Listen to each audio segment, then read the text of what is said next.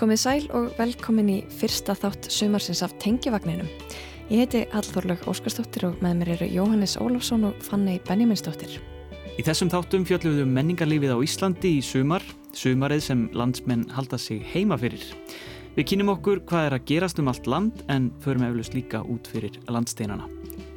Í fyrir hlut og þáttarins í dag verður rætt við tónlistakonuna Ingebjörgu Elsu Turki sem gefur frá sér nýja plötu í byrjun júli. Ingi Björg hefur verið mjög virk í tónlistalífinu undanferðin ár og hefur komið fram með mörgum af ástsælustu listamannum þjóðarinnar. Útgafu tónleikar plötunar Meliæ verða haldnir í Kaldalóni í Hörpu á samt hljómsveit 5. daginn annan júli. Ég hugsa að það sé daldið í undirmeðutundinni og sé, þetta sé allt einhverstaðar hérna að koma saman sko, þó maður get ekki alveg útskýrta Ármann Jakobsson heldur áfram spjalli sínu við Eirik Guðmundsson um njálsögu sem er kvöldsaga rásar eitt um þessara myndir. Og skarpiðinn, hann er í raun og íróni hann holdi klætt, hann er alltaf verið að vera stikkfrí, komið einhver svona aðtugasemdir, láta þetta eins og þetta komið sér ekkit við, mm. það sem er að gerast. Og Sigrún Margrét Guðmundsdóttir heimsækir þáttinn og segir frá nýleiri doktorsreitgerð sinni í íslenskum bókmentum sem nefnist Húsið og heilin um virkni reymleikahúsins í The Shining og þremur íslenskum hróllveikjum. Í öllum reymleikahúsum er einn svona vestistaður.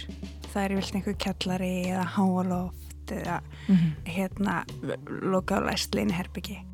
Í síðara hluta tengivaksins eftir fimm fréttinar kemur hingaði hljóðstofu uppistandstríegið VAF-HS þeir Stefán Yngvar Vigfússon, Vilhelm Netto og Hákon Orn Helgason. Þeir ræða lífið og listina og velja viðegandi tónlist út frá þemanu samgöngur. En við byrjum á draugahúsum.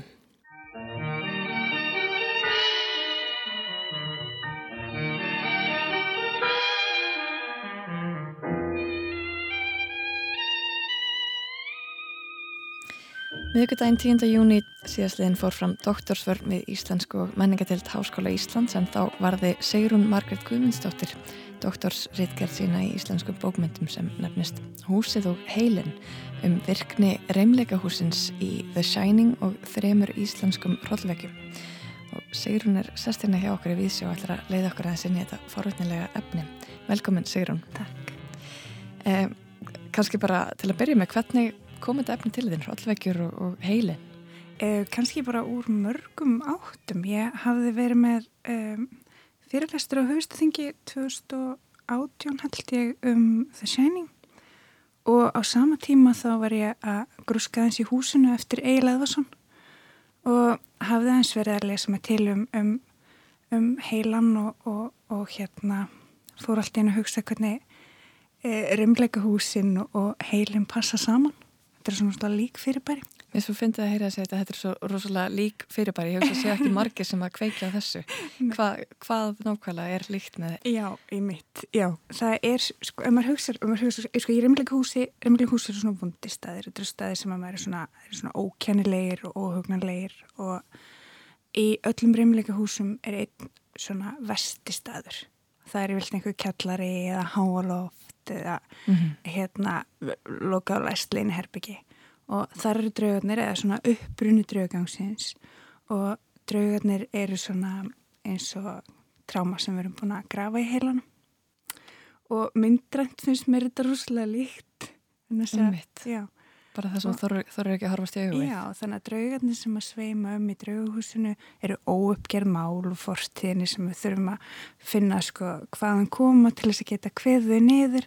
Og það er eins með sko ljótulindamálin eða trámun sem við geymum og svona flögra um í heilanum okkar. Mm -hmm. við þurfum að finna hvaðan koma til þess að til þess að svona hleypa þeim út. Horfast í Já. og sjá kannski að þau eru ekkert svo hættileg Já, og í kvikmyndum til dæmis eins og eins og það sæning þá er, er sérst, skald, ég, reynda fjallum skaldsjóna en tek kvikmyndina þess fyrir líka þar verið að tala um sko trámaheillar fjölskyldu Uh, í húsinu þá er það aðalpersonan sem að lendur í því að hérna flytja aftur á æskuheimilir og hérna þá svona fyrir að endur spilast áföll sem að lendi í æsku og mundi ekki alveg eftir mm -hmm. og það er svolítið eins og þeirra draugunni þyrtlastu upp. Akkurat. Já. Þannig að þegar þú segir að, að um, heilin sé eins og, og um, draugahús mm -hmm. þá átti rauninni við svona bara hugmyndafræðilega, þetta er ekki, þú veist ekki að hugsa um heilan sem bara líffæri heldur meira svona virkni heilans. Já og svo kannski tekið sko, já emitt og líffræðilega virkni heilans byrtist líka oft sko myndrænt í sögunum og uh, kveikmyndunum. Þess er um eitt kapla um Hálandi eftir Steinabræða og þá lýsir hann í rauninni sko, hvað ég segja, tauga virkni skaldsegna personana bara bókstaflega í sko lýsingum á landslægi. Þannig að, já, þannig að heilin byrtist líka lífræðilega þó þetta séu þetta bara líkingar. Já. Já. Og kannski eitthvað líka þetta með að vera sko eitt með sjálfum sér. Já. Er það ekki eitthvað þá líka þess að tengta að vera eitt með draugunum og þar byrtist óttin? Jú, það er náttúrulega úsla creepy. Jú, ummitt. Það þorstu kannski að horfa stegu við það. Mm. Lokaður inni.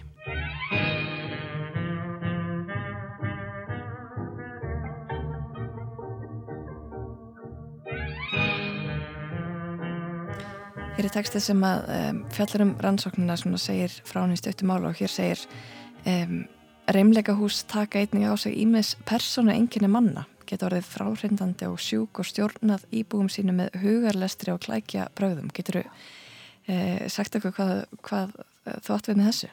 Já, sko, reymleika hús hafa svo mannlegin en eiginleika. Reymleika hús eru bara svona skrimsli og skrimsli byggja alltaf á í rauninni því sem við þekkjum úr önveruleikanum. Ekki til alveg skrimsli en við tökum kannski ljótustu mannlegu eiginleikana og, og setjum þau yfir í skrimsli í skálskap og reymleika hús eru þannig skrimsli. Þau virka þannig að þau kannski lokka fólk inn og þegar fólk er komið inn þá eru þau först og þau eru líka svona eins og uh, hvað ég segja, vampirísk skrimsli en þess að þau nærast á íbúinum. Og þetta með mannlega eiginleikana þekkit allir bara með sér úr svona badnadrauga húsamyndum þegar maður sér kvikmyndaplakkut eða e, það sem ég hefði kallað vítjóspóluhulstur en er ekki lengur til þá hérna, þá eru húsin kannski, þau eru með andlit og tennur Amityville Horror plakati, það er svona, það eru sex glukkar fyrir mm. munn og, og svo koma auðu, þannig að maður gengur að húsinu og maður veit strax að þetta er eitthvað svona kvikt fyrirbæri mm -hmm. og svo hérna lýsi Stephen King því þannig, hann eiginlega hefur skilgrind draugahúsið svona einna nákvæmast finnst mér á 20. stöld, hann skrifaði í bókinu sinni Dansi Macabre sem að fjallar um bara svona eðlistætti hryllings um, 83 að draughús væru svona svo rafgeimar í bílum þau svona draga til sín orku til þess að knýja sig áfram Þannig að fólki sem kemur inn er orkan, er svona fóðrið fyrir draugahúsin. Þannig að þá vil maður náttúrulega ekki sleppa. Þannig að það er líka reyndar að ílskan í húsunum er eitthvað sem hún svona hamstrar frá íbúum kynnslóðana. Og draugahúsi eru svona fjölskylduhús. Það sem að, já, hann lýsið reynda þannig að það leggist lag á málingu eins og eins og það leggist lag á málingu á veggi sem er eitruð. Þannig að hver kynnslóð tekur í sig ílsku kynnslóðarinnar og undan. En þessi ílska Já. sem þú talar um, er, er það eitthvað sem þú skoða nánar, eitthvað sem þú skilgreinir? Bara hvað er ílskan í draugahúsinu? Já, það er, ég myndi rosalega mikið vilja að gera það en þannig að út, ílska er útrúlega erfitt að skilgreina, en þess að engum finnst hann vera yllur í rauninu, en þess að hann er svo brjálæslega virk réttlætningakerfi, mm -hmm. þannig að hvað er ílska er náttúrulega flóki, en þetta er svona, þessum Stephen King segir er sko uh, þetta eru verstu tilfinningarna sem við upplifum sem húsið kannski nærist á og það er þá eins og reyði, ótti skam og áföll mm -hmm. og allt þetta og einhver sem nærist á þessu það lítur að vera svona ílskaflokkin í því. Það er svo áhugavert þetta með fjölskyldutenginguna um, mér þetta er strax í hug einhver svona um, einhverja draugamindir þar sem að einmitt í lokin kemur ljós að þetta er þín fjölskylda, þetta er þín saga mm -hmm. að þú áttir henni tengingun og það einmitt passa fullkomlega við þetta sem þetta segja með gömul áföll og tráma sem búið að bæla niður og, mm -hmm. og verður svo afhjúpandi fyrir mann sjálfan mm -hmm. en, en taland um afhjúpun um, draugahúsið sjálft er ókveikendi og það sem er hrættur við er kannski samt í rauninni ekkert til að óttast í alvörunni skoður eitthvað sérstaklega um, af byggingu draugahúsins eða af hjúpun uh, draugahúsins Nei, í rauninni ekki. Ekki ertu að menna þegar, þegar, þegar personan uppgötar í rauninni að það er reynd í húsinu. Já, eða bara, neða sem sagt, e, þegar personan uppgötar kannski að, að, um, að það er ekkert óttast eða eitthvað slíkt eða, eða það kannski gerist ekkert í þeim Nei, það gerist ekki. Að, já, í rauninni ekki. Ef, ef draughúsið er vel smíðað, þá sleppur aldrei út og þó þú sleppur út, þá fylgir húsið þér bara að eilifu. Þetta er eins og í Shining, til dæmis, ég notaði Shining sem svona, svona fyrirmyndadæmi, þess hún er svona, kannski þetta er svona grundfalla draugahús í rauninu 20. aldarinn, en þess að Stephen King hliður inn í það öllum gömlu húsunum, frá allt frá bara Horsfól, Pól og Kastalan frá Trant og Shirley Jackson og Hill House, það er eiginlega allt í overlock. Svo bætir hann við eins og hugmyndum sem ég voru að segja fjölskyldutrámað og hann tekur líka sko fjármál á vandamál fjölskyldunar inni þar, hann tekur alltaf hlutin sem svona lokamann inni í mm. fastegninni en þó að húsið og pappin brenni í lokin þá er Danni strákurinn en þá glíma við húsið hvað 30 ára setna í framhaldssögunni. Mm -hmm. þannig að þau sleppa á þetta endur allt kannski sæmilega en áfalli fylgið þeim sko, þannig að það er enda ekkert úslað vel. Mitt Um, en þessi dæmi sem að þú skoðar sérstaklega húsið eftir Egil Eðvarsson, Rökkur eftir Erling Óttar Tóruðsson og um, Hálendið eftir Stina Braga uh, er eitthvað sérstaklega þar sem að þú tekur eftir sem, sem svona uh, þráður? Um, þannig að húsið í þeim öllum en það er rauninni ekki eiginlegt hús í Hálendinu og Rökkri uh, í húsinu eftir Egil þá er það bara húsið sjálft, æsku heimili sem að sögur persónu fleitur inn í sem er bara sérstaklega vondistæðurinn í rauninni. Í hálendinu þar er ekki eiginlegt hús sem að er umleik hús heldur notast eina brægi náttúruna. Þannig að í rauninni tekur hann svolítið norræna hefð þar að því að það voru kannski ekki droslega mikið á húsum hérna eða svona óðalsetrum hérna mm í uh, gamla.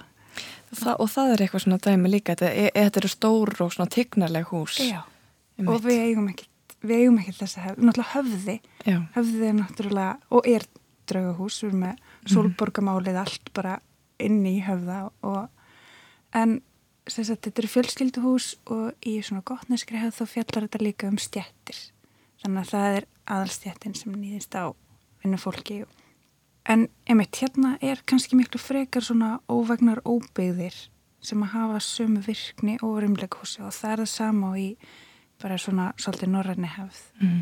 og Steinabræði vinnu með til dæmis inn í hálendið þannan þráð úr The Shining og í rauninu úr Amityville Horror þar sem að fjölskyldan í rauninni festist við reymleikahúsið ekki út af því að draugarnir leipaði mikið út heldur eru þau bundin af lífstöðalöngum afborgunum. Þannig að þegar við séum akkur fara ekki út úr húsinu? þá er það vegna þess að þau skulda 40 ár. Og þannig rauninni festir steinabrægi sögupersonu við hálendir en þess að það gerist bara rétt um hrun og þar komast ekki neitt. Mm -hmm. allt er bara skuldina sem að festa er í rökkri.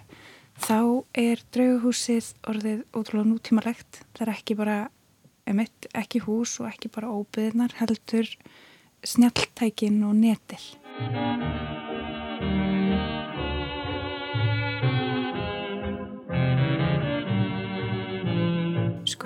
hugranfræði svolítið. Og í rauninni sálgrinningu líka.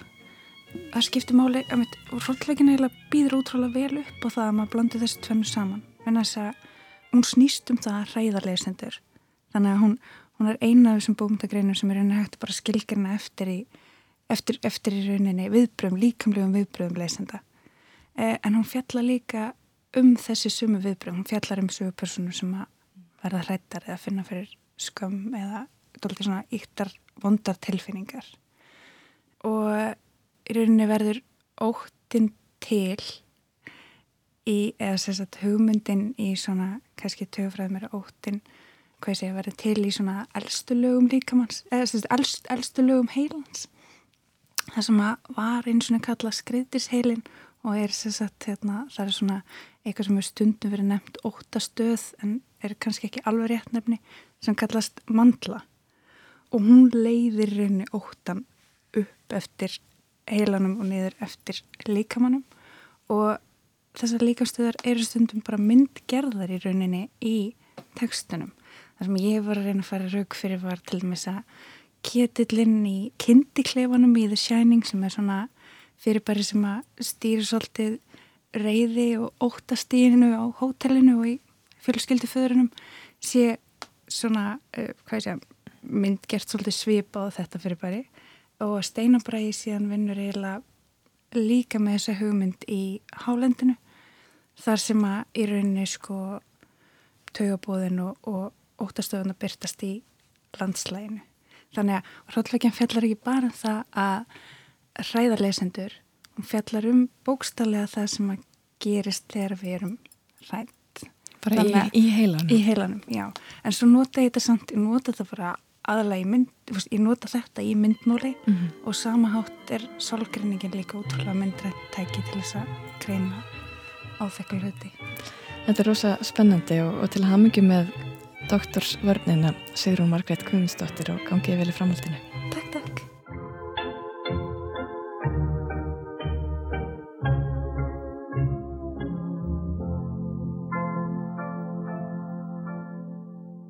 Hér ómaði tónlist úr kvikmyndinni The Shining en áður rætti Halla Þorlaug við Sigrúnu Margreði Guðmundsdóttur um doktorsritgerð hennar um virkni reymleikahúsins í fyrirnemndri kvikmynd og þremur íslenskum hrollveikjum.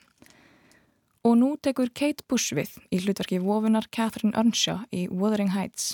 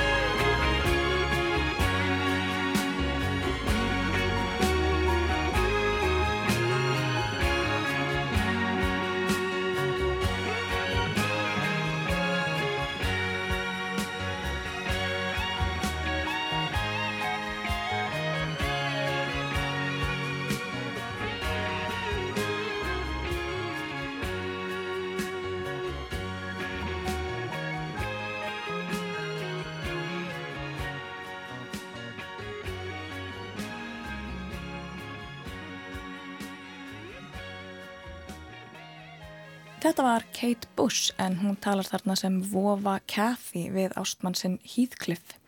Kate var aðeins 19 ára þegar þetta lag kom út 1978 en hún er í dag eðlimálsins samkvæmt 61 árs. Lifir hann góðu lífi? Mm -hmm. Heldur betur. Lægið bæði og hún sjálf. Já. En það sem að lifi líka góðu lífi það er eh, aðeins eldra listaverk, það er Njálssaga og Hún er kvöldsaga rásar eitt um þessar myndir og Ármann Jakobsson hefur verið að lesa hana í nokkrum hlutum. Uh, en hann gerði gott betur og, og frætti og fræði hlustendur um njálsögu í spjalli við Eirík Guðmundsson. Og það er komið að næsta hluta, ég held að það er alltaf fjallum þrælahald.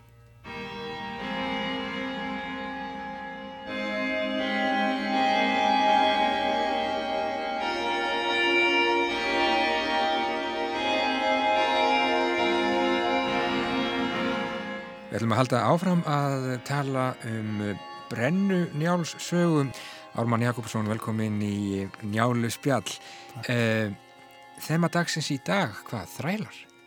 Já, eða þessi setning með íldir eiga þræla enga vinn sem er sögðin njálu og þetta er, það er nokkur dæmut í sögunni að ílla valin vinnur valdi drægjumönd til döðajabel og sérst nú kannski besta öllum í kaplanum um Þráin Sigfússon. Og það nú, fræðimenn hafa lengi talað um það að það er sérstatt með njálu að hún er ekki sterk í miðjunni. Gunnar er feldur af öfundamönnum sínum og, og, og mörgum góðum mönnum með. Og það er verið hérna þetta ægilega rís í sögunni þegar hann dettur fyrst að hestunum og, og svo byður hann um hárlokkinn og fær neyfi því og þetta eru, þetta eru virðulega þetta eru fræg, fræg atriði. En þá tökum við svona kapli sem fáir mun eftir. Og það er í fyrsta lagi hemdin eftir Gunnar. Gunnar byrti sem draugur. Þetta fjallum ekki krami hjá svona mönnum sem töluðum raunsa í Íslandikasagna að Gunnar og Hlýranda var að byrta svona sem draugur og, og í kjölfarið hefna skarpiðin og högni fyrir hann sem er mjög vikið að kapli fyrir lýsingu skarpiðins því fram að því hefur hann nú ekki vegið mikið í sögunni. Og síðan beinustu all aðtegnan í Álssonum og þráni Sigfúsinni og það er svolítið áhugaverð atriði sem gerist í útlandum þar sem þráin Sigfússon vill vera artaki Gunnars. Og hann er meðan, meðan hittir hann Jarlinn fyrir og Jarlinn fyrir að harma að Gunnar sé ekki þarna og þá segir þráin eigi ég með Gunnar en þó er með skildur honum. Og hann ætlar að vera næst í Gunnar. En svo hitt hann í álsinnir mann annar staðar sem verður hinn nýju Gunnar sem er Kári Sölmundarsson og hann kemur hérna siglandi á ægilega myndir hann hátt inn í söguna hefur ekkert verið kynntur. Við fáum bara svona skip og svo sjáum á því að maður og hann segir glæsilega setningu hverjir eigu hér leik svo ójafnan. Og þá kemur ós að þetta Kári Sölmundarsson hann er sér kynntur öðruvísi en eiginlega allar aðrar stórar personur í sögunni og Kári er hinn í gunnar en við áttum okkur kannski ekki á því strax. Það er samt vísbendingar, hann byrjar á þessu hástökki hann í bardaga sem enginn er gunnar. Það er ekki alltaf stokkið upp og forðast spjótin og, og, og sverðin. Á meðan er þráinn gengur bara um eins og einhver páfugl. Þykist vera gunnar en er enginn gunnar. Og svo þegar, svo fellur hann á prófinu út af manni sem heitir Rappur og Rappur riðst líka inn í söguna algjörlega óforvarandis.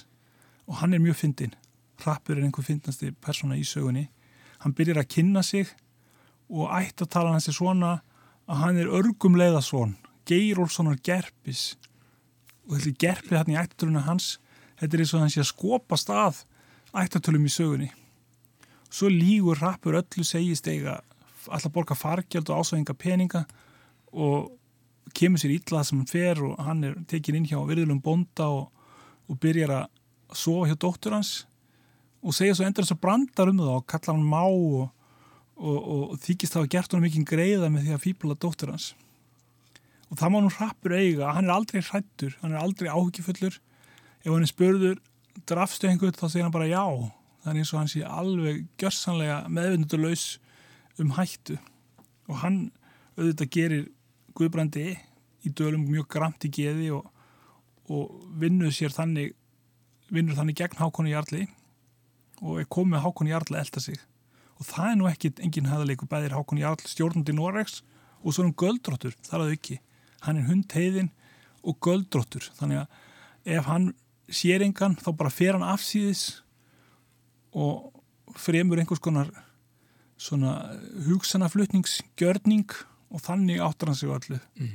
þannig að Hákon Jarl hann er ekkert lampa að leika sér við og hrappur eru á flótta og honum ber beinins kemur bara eins hlaupandi til fyrst njálsana og svo þráins þar sem þeir eru allir að fara burt á skipum.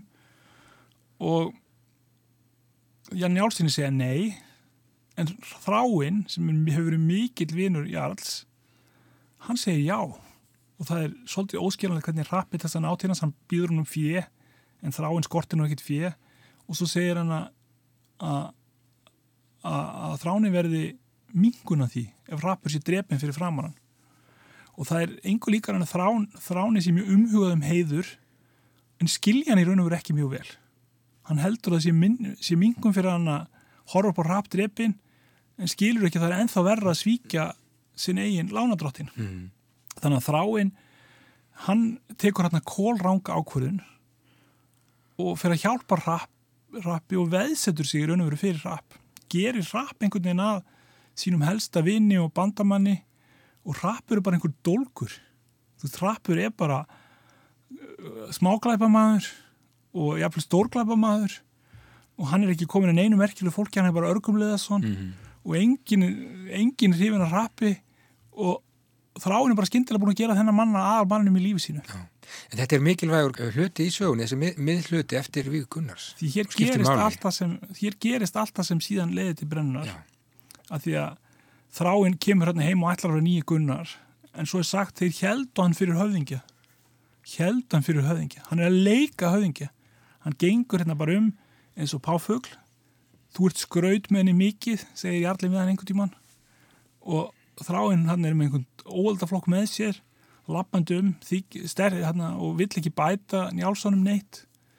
Og þessi óaldaflokkur sem með honum þegar njálssonir koma að byggja bóta þráinn hefur náttúrulega vitað að segja ekki neitt því að hann er þrátt fyrir allt svo snjall. En hann lætur alla aðra móka á þannig að þeir fá þarna fullt af sökum sem þeir geta síðan nýtt til þess að verða saklausir af víinu mm -hmm. og þetta er þráinn þáttur það er náttúrulega eftirminnast af vígsögunar að því þar virkilega verður skarpiðinn í aðhaldurki þeir fara til að hefna þessara mókana og skarpiðinn Eh, skóð, skóðfengurinn slittnar og hann er á eftir og svo kemur hann bara eins og skautalöpari mm -hmm.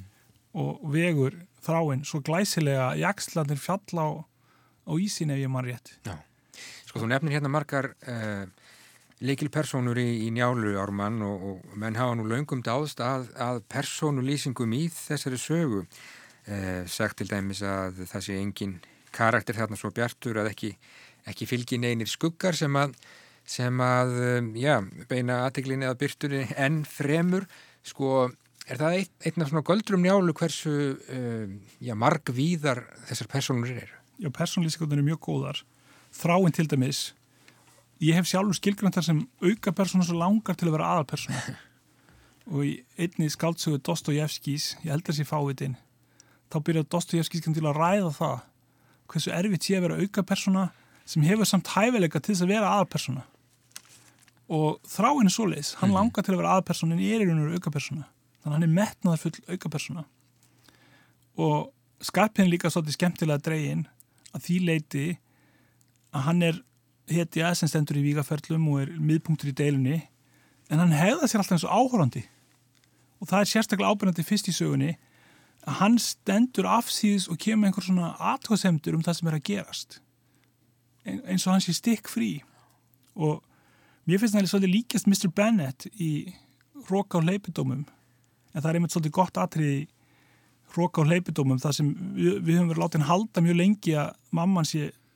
léleg og vond og pappin sé góður og skinsamur en aðalpersonan, Elisabeth, uppgötar að Mr. Bennett er raun og verið alveg jafn gagslus og mamman og alveg jafn vondur á sinn hátt af því að hann er kaltaðin, hann er íronisti og í íroníunni fælst það að vera stikkfrí halda fjarlægð setja sig upp sem dómara og áhöranda frekar en þáttakanda og um þetta skrifaði Kierkegaard reyndar mjög merkilega reitgjara á 19. öld þar sem hann þó tók afstöðinu með írónínu sem leið til að lifa af hérna erfiðu tilvist mannsins Já, um og Skarpiðin hann er í raun og íróni hann holdi klætt hann er alltaf verið að vera stikkfrí komið einhver svona aðtugasemdir láta þetta eins og þetta komið sér ekkit við það sem er að gerast. Segjandi brandara um atbyrðarásina eins og hann sé eins og hann sé hérna á svörunum í leikusinu Standi fyrir utan. að dæ, dæma leikin postmótinist Já, eiginlega, en er þó persóna í,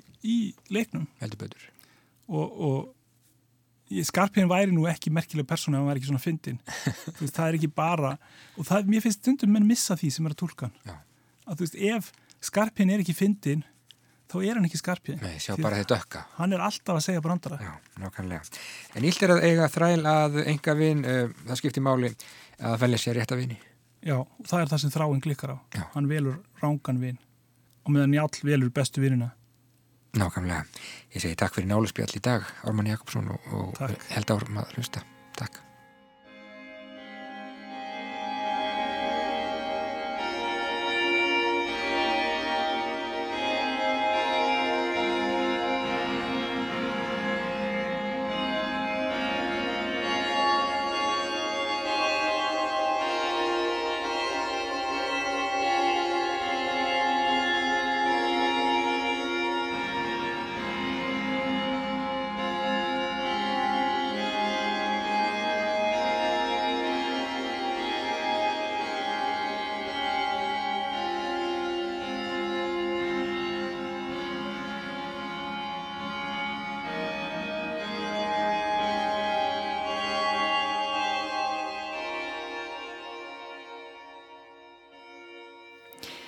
Eirikur Guðmundsson rætti við Ármann Jakobsson um njálsögu sem er kvöldsaga rásareitt um þessar myndir.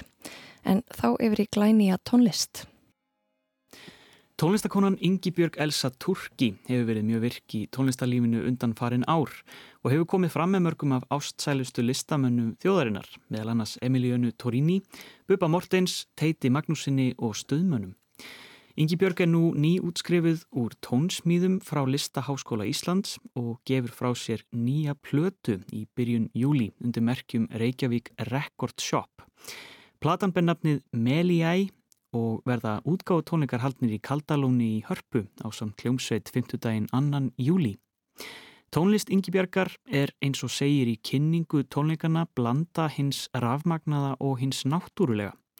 Á Meliæ ægir saman djassi, naumhyggju og tilraunatónlist í ómþýðri blöndu. Endurtekningar eru í fyrirrúmi, saxafót, gítar og bassi eru afbyggð með hjálp ráftækja og síðan byggð upp aftur.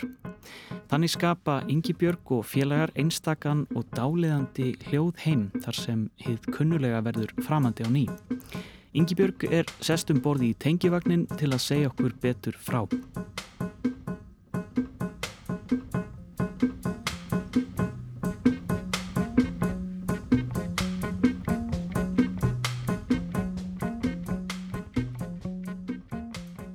Ingibjörg Elsa Turki, verður velkomin í tengivagnin Já, takk. og til hamingi með nýju plötuna Já. sem er á leiðinni. Já. Ég er kannski fæðið til að uh, bera nafnið á plötunni fram. Já, þetta má ég að segja bara Melja eða Melja. Hvernig, hvernig valdir þetta nafn? Þetta er sko uh, nafn á svona grískum skóargiðjum. Eða ég hef sem sagt mikið áhuga á svona Fordgríklandi. Ég var lærið í Fordgrísk og Latínu háskólanum Já. eftir mentaskóla. Þannig ég er svona, veistu, svona svo falleg hljó, svona orðin hljóma svo fallega. Einmitt. Það si- situr í þér. Já. Þessi, Þannig að það kannski þarf ekki að vera, það er ekki endilega að tengjast tónlistin eða nýtt svona, nei, en svo kannski gera það ósérlótt. já. Já. Kannski ekkit sem að þú getur verið að, að tala um. Einmitt, það er fyrir aðra að tólka. Já. Þetta er, þetta er ekki kannski alveg fyrsta platan en, en, en á undan kom svona EP, eða ekki? Jú, ég gaf út semst, á vegum Smith Records sem að Sóli Stefansdóttir og Hjeðin Finnsson eru með. Er litla epiplötu með tónlist þar sem að ég spilaði á, á allt sjálf, bassa og gítara og Mr. Silla svona hjálpaði mér aðeins með upptökur og svona Mhm. Og svo eftir það bara setti ég saman hljómsveit til að svona gefa þessu annað líf eða framhaldslíf kannski. Og úr því varð sem sagt svona nýrri, upp, nýrri útgáfur af nokkrum lögum, lögunum á þeirri plötu sem heit Útvörk og svo ný. Og já, og svo fórum við bara með þetta í stúdjó þannig að þetta er heil plata með bara svona þessu setti sem við erum búin að vera að spila kannski núna í smá stund Já, Þannig að þetta er svona þró, þróaðri útgáfa kannski af já ég hugsa stundum eitthvað svona eins og þessi komið í þrývít. Það er svona meira á, meira á dýftina einhvern Já, það er svona búin að útsetja fyrir hann náttúrulega gítar og tenorsaxafótn og trommur náttúrulega og, og pljómborð og píano og fl Einmitt. flíill og alls konar sko. Já, Segð mér aðeins frá, þú veist uh, hérna, með gott fólk með þér í, í, í liði hérna. já, Hver, hverjir eru með þér? já það eru sem sagt uh, Hróðmar Sigursson á gítar og Magnús Tryggvason Eliasson á trommur Magnús Jón Ragnarsson á flíill og róts og hljómborð og, og svo Tumi Átnarsson á tenorsaxofón og grýpur líka í klarinett og, og svona og já, við erum bara, all, bara mjög góði vinnir og, og uh, ég spurði bara hvort að já, vildum hjálpa mig með þetta Mhm. Og spila saman við spilum ekki saman líka bara í öðrum verkefnum og, spilum saman kannski sem hópar hjá öðrum verkefnum og svo er, já, Mhm. þannig að þekkjast lengi líka Já, svona í sömu, sömu senunni. Jú, Já. ég ekki Um, hvað hva getur þú sagt mér um þessa tónlist? Hvernig, Já, hvernig lýsir þú henni? já, þetta er hérna instrumental og hún er líklega, já, svona bassa línu dreifin eða svona í kringum bassan en hún er ekki, sko, ekki þung. Nei, ekki he- bassa þung. En það er svona þitt líkil hljóðfæri. Jú, algjörlega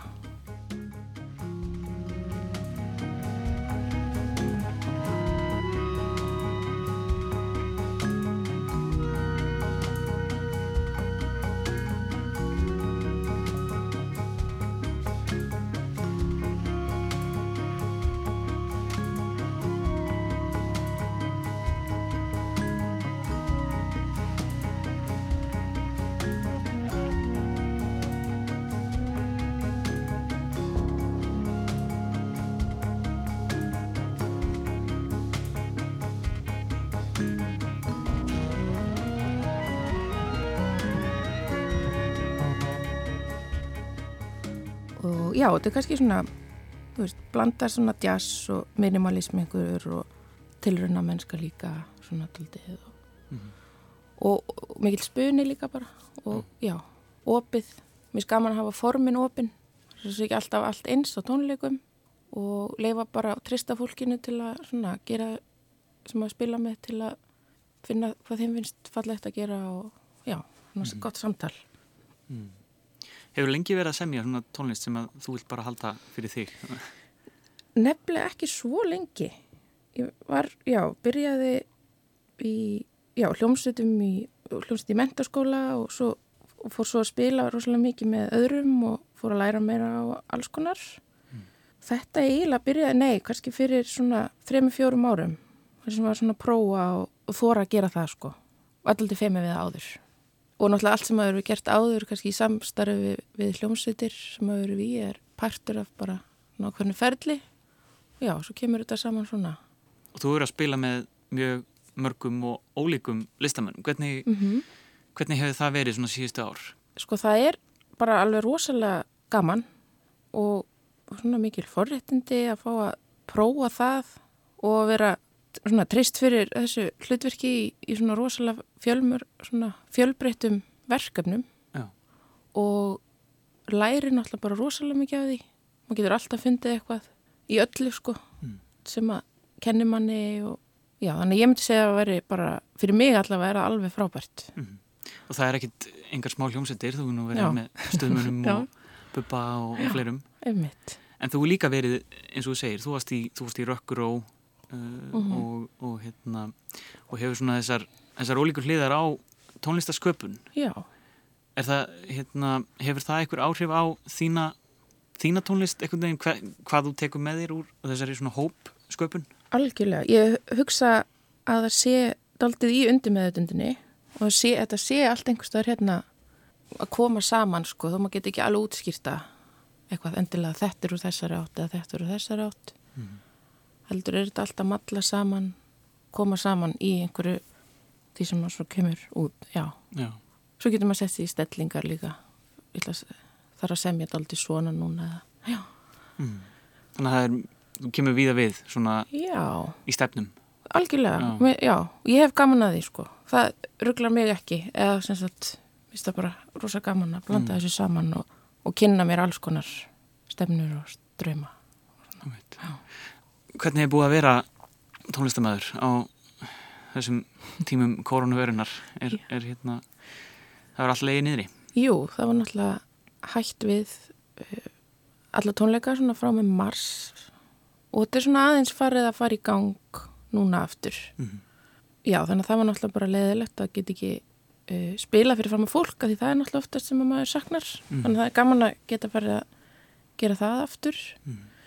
uh, en svo kannski mitt, ég var reyndar á þeim bara, ég voru að klára líka sko tónsmíðar í listaháskólanum þannig að það var kannski dálítið fókus að mér í það mm. svona heima að vinna Já, og jú, jú, svo var maður bara eitthvað að æfa sig og, og skipulegja upptökur og svona alltaf voru mörg svona úrræði hjá svona sjóðum til að sækja um Mm. mm. maður var svona að vinna í því og, en jú, það það er rosa gaman að geta farið að spila fyrir fólk aftur já Og þú allar aldrei að, að spila fyrir fólk uh, með tónlist að þessari plötu og, Mhm. og kannski eitthvað annað í, í bland.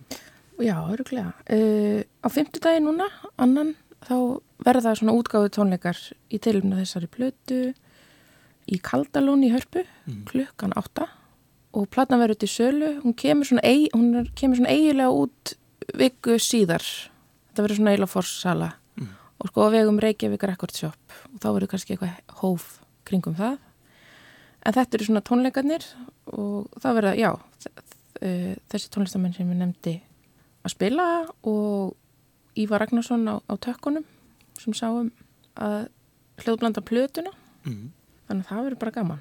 Akkurát Íngibjörg Elsa Turki til hamingi með nýja plötuna. Uh, Við hvetjum bara forutna til að kynna sér útgáðu tónleikana í Kaldalunni á fimmtudag. Takk kærlega fyrir komuna Takk fyrir. og gangið vel. Já, takk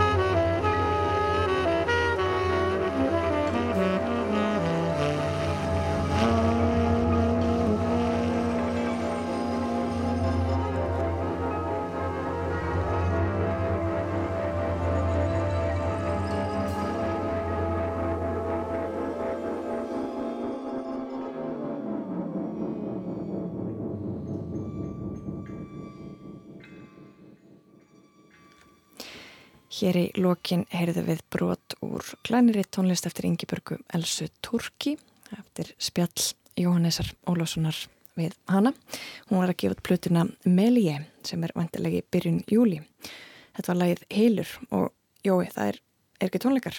Jú, það eru tónleikar á 5. daginn næsta, annan júli sem er í Kaldalúni í Hörpu og það er alltaf hún að flytja tónlist af þessari plötu og líka af uh, fyrri, fyrri plötu sem er svona lítið EP sem heitir Woodwork en ég átti smá vandræði með að hérna, bera fram þetta nafn eru þið að velað eitthvað í forn grísku?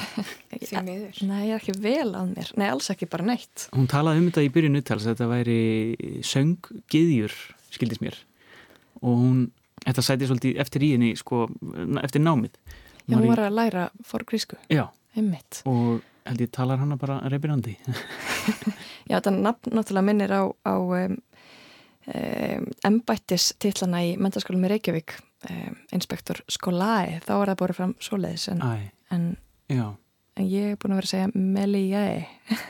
Já, ef ekki bara halda því svona Jú, Meliae Það er þessi nýja plata með Ingi Björgu. Já, Treystum á að engin hlustandi tali forn grísku. einmitt ekki nokkur. Jú, ég hugsa um reyndur að, að ef það er einhver hlust, er hlustandi einhverjar útarstöðvar þá er það rásætt Það er alveg strétt hjá þér.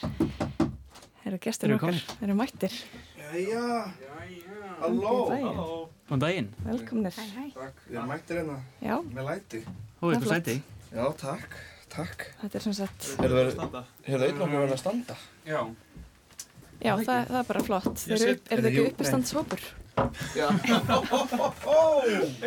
Takk, ég vil kannski fá Þetta kannski fengi mig í næsta næsta sjó. Þetta er sem sagt uppistandshópurinn Vaff.S sem er að koma sér hérna. Maður redda sér. Þeir eru í hljóðstofu. þarna í stólum þínum Já. Halló. Velkomnir strákar, vil ég kynna ykkur sjálfur? Hæ? Vil ég kynna ykkur sjálfur? Já, uh, ég heiti Hákon Örn Helgason og er, er háið í Vafáes Já. Það er stemmir. Ég heiti Stefán Ingvar Vigfússon og er S-ið. Ég heiti Vilhelm Netto og ég er vaffið í Vaff AS Velkomnir til okkar. Takk. Takk. Við ætlum að spjalla betur við ykkur á eftir uh, en fyrst eru það fréttir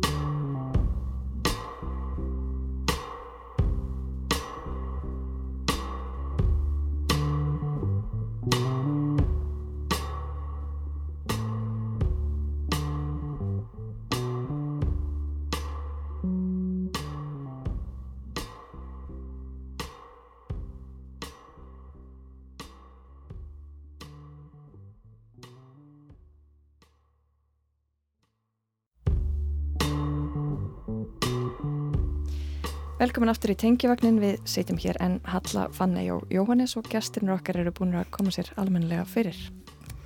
Já, það er uppistand hópurinn VAF-HS, Vilhelm Netto, Hákon Örn Helgason og Stefán Yngvar Viffússon. Velkomnir til okkar í tengjavagnin. Takk fyrir. Takk. Við erum með svolítið sérstakt þema í þættinum í dag, það eru samgöngur. Um, ef við kannski að byrja á því bara að uh, heyra hvernig komist þið hingað í eftirlitið? Tjöðlinn, við komum á engabíl Já.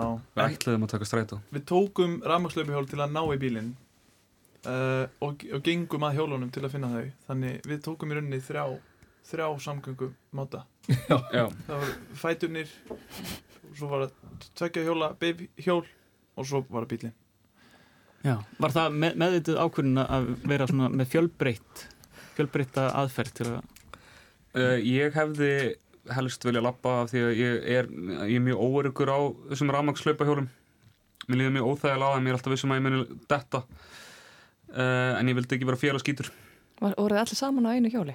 Nei, við vorum á þreymur hjólum Mhm. uh, en ég fann líka einhverju svona að þú veist, ég vildi fara hægar en við fórum en ég vildi heldur ekki hæ, hæga á þeim þegar ég tek svona rafmakslöpahjól þá, þú veist, ég fer ekkert mikið hraðar en ég lappa Einmitt. á þeim Já, En maður ég í ekki hægja á hópnum. Einmitt, ef maður pælir í orðinu sko samgöngur þá er það kannski svona líkil atriði líka þegar maður er að ganga saman, það er svona getur verið flókið Mhm. þegar fólk er með mismunandi göngur hafa. Já Gangið því í takt?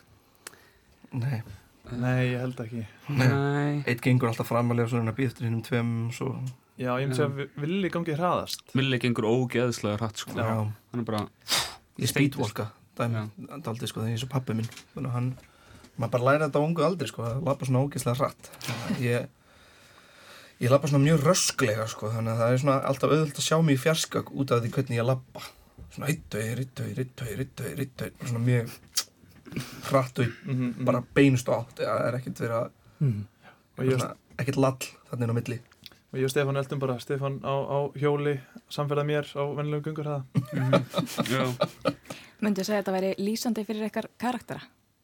Þessi gangur? Algjörlega, algjörlega, ég meina ég ástundum erfitt með strætó á Íslandi út af því að hann kemur bara hálftíma fresti og svo stundum nærmar hann ekki að stundum er hann lengur að koma sér einhver staðar og stundum nærmar ekki tengivagninum út af því að hana, hann eitt strætó kom upp seint og hinn er nú þegar farinn Já, þú hefði náttúrulega bara verið fljótur að labba. fljótur að Já. þrátt fyrir ég sé fljótur að labba þannig að mér finnst næst að taka hopp þar sem ég geta bara svona bara þú veist brunað af stað Akkurat, þáttu við hlaupa hjólið fyrir það sem ekki þekkja. Já, svona rafhlaupa hjóli Akkurat. Sko ég tek na, aldrei ég tek aldrei tengjavagna uh, af því ég treysti þig ekki, þannig ég lappa alltaf frekar þú veist, tvisunum tíu mínútur eða eitthvað Mm. uh, og fór að staða eins og heitan eldin Þegar ég rekst að þig um daginn Stefán þá varst þú að koma hjólandi úr grafói Já. Já. Já, á sumrin það er, na, það er sá tíma ársinn sem ég hreyfi mig og þá hjóla ég allt sem ég fyrr Hreyfingarútina rútina þín er bara ekki neitt á veituna Já. og svo bara á sumrin. Á sumrin hreyfi ég mig. Já. og þá hjóla ég á millistöða og mér finnst mjög gaman að uh, uh, af því að na, ég er alltaf svona halva atvinnulegs á sumrin að na, uh, taka með eitthvað svona halvan vinnudaginn bara í að komast á milli staða þú veist eins og ég þurfti að fara upp í graf og taka eitt viðtal sem var tíminn á langt og ég hjólaði fram og tilbaka sem tók tvo tíma Mm. og leið minn eins og dagar minn var lengri en hann var Mm. Já.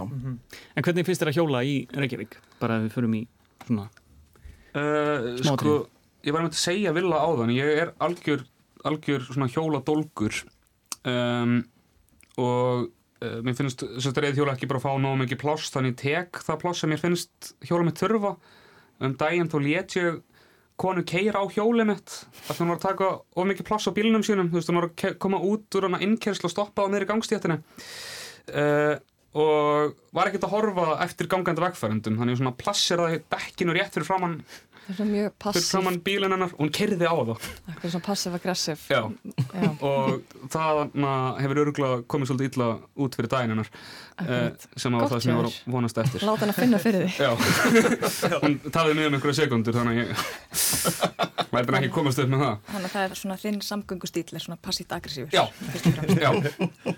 Ég tengir þetta mjög mikið við þetta sko uh, svona hýrarkíuna í samgöngum. Ég verð ógesla pyrruð á hjólandi fólki þegar ég er gangandi. Svo verð ég ótrúlega pyrruð á gangandi fólki þegar ég er hjólandi og tala, tala nokkuð um uh, akandi fólki þegar ég er í hinum hópunum. Þetta er einhvern veginn bara, ég skipt um lið bara fyrir alveg eftir faramáta sko. Það er sem næst líka að lappa að mann líður sem að megi bara gera allt Já. Veist, það er bara, ég má lappa yfir miklu brutina og bara allir sem flauta á mig eru bara eru bara auðlanir þetta er mitt land, það er ætlað fyrir mína fætur. Lappi gegnum hús. Fer út baktir að megin. Þetta er styrsta leiðin. Þú getur ekki byggt hús á minni gunguleið ó nei, ó nei. Ég, ég arka hér ekki fæn kaffibólla í leiðinni. Þú ert ekki að óna á neitt þú ert alltaf bara að taka smá bara styrta því leið sko. Já, en ég, ég búin að lenda svo mikið í því undanfærið það er alltaf verið að flauta á mig. Og ég hef oft lappað með heyrnatól og ég lendi því um daginn að það var flautað á mig sko á hlaupahjóli svona þrísvar í sömu ferðinni. Og þá í fyrsta skipti var það held ég af því að ég, ég, ég fór á hlaupahjólinu yfir blauta mallingu á gungugutunum hann á laugaveginum. Og ég fattaði það bara þegar ég var komin inn. Mér til varnar þá var ekki búið að, að merkja banna að fara hér að sko, ekki, engin, engin lína fyrir og svo einu sinni fór ég svolítið hratt jú á hlaupahjóli en yfir gangbraut þar sem að bíl ætlaði að fara að keri yfir. En, en, en já, þannig ég verð svona ég verð svona, svona góðu með mig alltaf þegar ég er ekki á bíl. En þú Það lifir svolítið líka- bókstallega út frá þessari svona heimsbyggi að, að styrsta leiðin er, frá A til B er bein lína. já, já, Já. þannig ég klifur yfir grindverk og ef mér reypi með mér eða að kljúfa þau eða stærri veggi. En það er líka mjög auðvelt að líta niður á keirandi fólk, finnst mér. mm Skilur, þegar maður er að lappa eða hjóla eða eitthvað, þá finn ég alveg fyrir, því. mér finnst ég vera aðeins betra en allir sem er á bíl. og ég ætla ekki að bæta hennum við þetta. ég náttúrulega kann ekki að keira þannig ég hef aldrei verið á bíl eða keira bíl, þannig séð sko Bara farþegi, bara farþegi. Þú góðu farþegi. Eða, já, ég er fýtt farþegi sko Ég er ég, ekki að, fokk í útvarpinu. já, ég er alltaf fyrkt í útvarpinu þá, já, þá er ég reyndar ekki það góður farþegi Nei, einmitt. það Mér er finnst mjög gaman að fá að velja tónlistina sem náttúrulega sko, já, sem getur stundu verið dálítið böggandi. En talandum, þið völdu tónlist fyrir þáttinn. Já. Ég, sko, ég get ekki séð hvernig þessi tónlist tengist þemanu, en ég er mjög spennt að heyra ykkur raukstiðið það. Eða, eða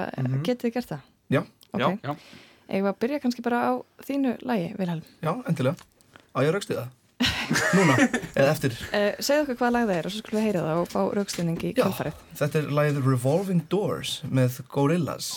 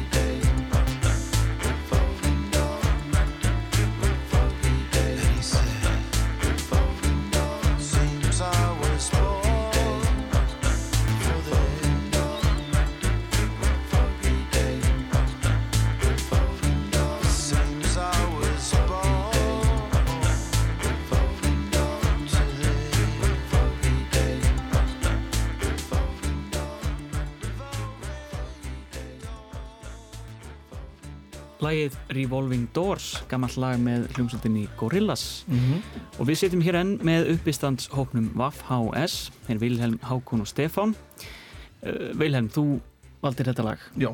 Þetta lag á að tengjast þema dagsins sem er samgöngur um, Getur útskýrt það aðeins nánar? Já, það get ég. Þetta er uh, nefnilega lagur plötunni The Fall eftir Gorillaz sem var tekin upp í bara svona rútu þegar Damon Albarn var að túra bandaríkin hún var tekin upp á 32 dögum bara í rútu á iPad Ok, mm. Vá. Vá. og þetta er bara, já, þetta er bara Þetta er rútutónlist þetta er rútutónlist þetta er bara full, bara heil plata bara sem er tekin upp bara í rútu Þú voru þeirra tónleika, tónleikaferðalagi þá Mhm. eða? Já. Þessi geðveik er það að vera á tónleikarferðalagi og vera að taka upp plötu þegar maður er að kera um eitthvað staða Já, Það er alveg góð nýting á tíma það er bara ekki heilbrygt ég held að hann sem er mjög óheilbryða sjálfsmynd og hann getur ekki slakað á bara rétt þegar hann er að fara með til staða sko. Það er bara að tekið fyllir í eins og allir aðrir sem voru á túr kann það ekki bara verið á eitlugum eða eitthvað Hvað er Damon Albarn? Það er bara iPadinu sínum. Ok, þannig já, þannig að þú, þú valdur þetta lag út frá í rauninni ja, baksögunni. Þetta Já. lag er búið til í samgöngum. Já. Ég, ég kunni var búin að gera það fyrir að, að þetta væri eitthvað svona tengt um, svona ringhurðum í, í verslunamiðstöðum eða svona, en, en þetta er náttúrulega bara mjög áhugavert, áhugaverð leið til þess að skapa. Ætli- Getið ímyndið ykkur að það hafi haft áhrif á sköpunarferlið? Það sé einhvern rútu andrúsloft í lögunum? Já, mér myndi, ég myndi halda það sko, maður sé í ykkur svona andlu ástandi sem er öðruvísi en maður myndi verið í að maður væri í stúdíói einhvern veginn að taka upp plötu. Þannig að það er aldrei kannski svona skemmtileg svona kaotík í þessu líka að vera að taka upp á iPad sem ég held að sé líka erfitt að vera svona með, bara með eitthvað svona snertiskjá bara sem þú ert alltaf svona, svona eh, splitta saman hljóðfæri og eitthvað þannig dæmi þannig að ég held að sé alltaf svona skemmtileg svona kaotísk orka sko. Þetta fannst mér svona besta lagið í plötunum mér finnst það svo, svo Já. heilstift lag til þess að koma út úr þessum kaos sem er að gera plötu í rútu og vera stöðut á ferð. Já, Já. já, það er líka smá svona þannig fílingur í þessu lagi sem er svona stöðut, eitthvað svona stöðut taktur Mm. kemur mann í eitthvað svona ákveðin svona trans Það gerist líka eitthvað sem þegar maður er á ferðalagi, bara líka þegar maður bara lappar um, að bara heilin fer í gang, upplifið það ekki líka? Jú, leiðandi, sko. leiðandi Mhm. spurning hjá mér. alls ekki það slöknar á heilunum mínum Nei, sérstaklega maður fær að vera í, eða þú veist, ef maður er einn eitthvað á ferðalagi, til dæmis að taka lest, þá finnst mér það hjálpa rosa mikið við sköpun. Mest að vera í lest. Mér finnst strætó stundum taldi svona, ég veit það ekki, en uh, ég elska að ferðast um, með lest, sko, ég myndi ferðast með lest alltaf ef ég gæti. En því miður þá er það bara dýrara stundum en að taka flug, að ferðast með lest uh, í Evrópu. Mér hefur langað að taka lest til Berlínar frá Kaupmannhafnun, það er bara mun dýrara. Já, það er, ég, ég tók, þetta svo er þetta líka svo stutt flug Mér Já. finnst það svo rugglað En fyrst getur sem ég flög innanlands, innan Evrópu Það var eitthvað 40 minna flug frá, frá einmitt kaupmanna til Berlinar Já. Og ég sko sopnaði áður en fórum í loftið Og svo vaknaði ég og held að við værim bara lent En þá ver, vorum við bara ekki ennþá farin að stað en, en þú veist, ég hefði alveg getað sopnað og vaknað í öðru landi og Það hefði getað gerst. þegar það gerðist ekki Þegar ég held í smá að það væri það sem hefði gerst hugsaður kannski já. þetta verið góð saga til mann segna ah, tjöfullin, ég er ennþá í Danmörku En taldu flug, reynir þið að forðast, forðast að taka flug og skilja eftir ykkur kólefnis fótspor? Já og nei. Ég reyni að ferðast eins lítið og ég get svona að óþörfu. En nú er kærasta mín dönsk og pappi minn og fjölskyldan er föðurætt portugalsk. Þannig að það er rosa erfitt að vera Íslendingur og skilja ekki eftir kólefnisfótspor ef maður er svona alþjóðlegur í hvað var það fjölskyldu. Já, allan um alltaf að búa á Íslandi. Já, ef maður ætlar að bú, sér að búa á Íslandi það var náttúrulega ekkert máli ef við verið stattur í Fraklandi til dæmis að eiga fjölskyldu í Danmörku og í Portugal þá verður mjög nöðvöldra að ferast með lest en það er ekki Það er ekki búið Já, ég, ég fæðast ekkert mikið með flugi en uh, það er aðalega bara því að látökjum aður sko. En hvað finnst ykkur um eh, svona þessa, þessa skömm sem er stundum rætt í, í tengslu við kólefnislosun Mér- einstaklinga Mér finnst sko að vissan hátt, hún eiga bara frekar mikið rétt á sér sko og auðvitað á maður bara að vera með þetta um hvað afleggingar það hefur að, að fljúa og það eru viss úræði í bóði eins og Mhm. að, að fljúa ekki og hérna og blanda trjám kólum semna flugin og mér finnst bara, veist það náttúrulega um, skömm er ekki já, það er ekki gott að vera að seima kannski endalaust fólk sem að kemst ekki upp með annað en, en ég menna bara umræðan er góð fyrst mér og gott að vera með þetta um Mm. hvað þá maður getur gert til þess að Nei, nákvæmlega Fyrstu ferð inn á þetta umræðafni skömm, Jói. Þið eru svolítið að vinna með svona alvarleg málefni í uppstandin eitthvað þegar að tala um, um eitraða kallmennsku og fyrirgefninguna og, og, og þetta. Hvernig nálgist þið þessi umræðafni? Þetta er kannski eitthvað sem við, eitthvað sem við erum að díla við á okkar lífsleið, sko. Þetta er ekki endilega, sko, til þess að díla við svona umræfni. Það er svo mikilvægt að díla þessu út frá persónulegri reynslu og taka ábyrð bara á það sem hafa gert í gegnum æfina. Þannig að það er, er eiginlega held í besta leginn til að gera grín úr því er að gera grín að manni sjálfum og manns eigin reynslu. Það, Mhm. Þá er maður í rauninni ekki að særa neitt og maður er rosa mikið að læra á meðan maður er að kenna og líka grínast einhvern veginn. Þannig að þetta er svona, getur verið rosa næs bland einhvern veginn. Og þau eru að segja taka ábyrð, hvað við með því?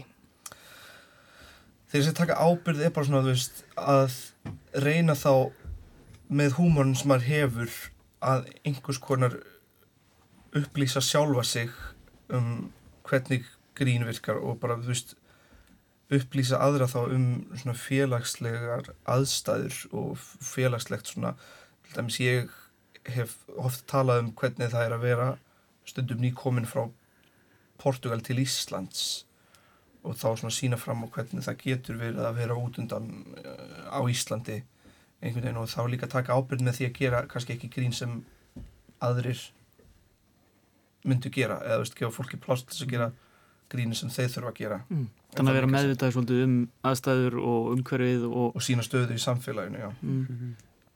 Já, og og í rauninni sko líka bara svona að tala fyrir sjálfan sig en ekki endilega fyrir hóp Mm. af fólki, eða þú veist að því maður getur bara að tala með eigin reynslu, maður getur ekki eh, útskýrt reynslu annara eða eigna sér hana einhvern veginn. Nákvæmlega. En, um, en þið tilherið allir þrýr ákveðinni fórhættindastöðu Mhm. og, og Já. þið nálgist óðfluga enn meiri fórhættindastöðu með aldrinum, miðaldra hvíti kallmaðurinn Mm í hennum vestræna heimi. Já. Eru þið að- að velta þeirri stöðu, stöðu svolítið fyrir ykkur líka? Já, já, Já. eiginlega sko, þetta er svona, uh, þetta er líka sko spurning um að fara að gera grín að, að því nákvæmlega og líka, þetta er einmitt aldrei svona stór spurning sko sem er erfitt að svara svona á nú leitni sko en þetta er svona, já, Mhm. Þetta er líka spurning sko einhvern veginn svona hvernig við getum uh, á einhverjum hætti þú veist, dílað við það eða adressa það uh, af því að þú veist, vandin er aðalega í heiminum fólk sem lítur út eins og við þrýr og er kannski nokkrum árum eldri en við uh, en þú veist, að hvað miklu leiti við getum einhvern veginn adressa það án þess að vera bara að taka of mikið pláss Mm. skilur, og við erum að gera það, núna er ég að segja þetta í útvarpsviðtali þar sem ég er að taka ekki mikið pláss Já, já. Uh, þú veist, þannig að einhverju leiti vonast ég bara til þess að vera ekki og mikið fyrir ef það er eitthvað sem ég get gert þá vil ég gera það og ég hef reynd að gera það bara þegar ég hef orðið var við einhver þú veist félagsleg mál í kringum mig eða á samfélagsmiðlum Mm. um, En við, við erum kannski að leiðast, leiðast svolítið inn í lægi sem þú valdir, Stefán. já, kannski það Er það ekki? já, Viltu kynna það eins inn? já, það heitir PC with me og er eftir Alex Cameron Skulum hlusta það.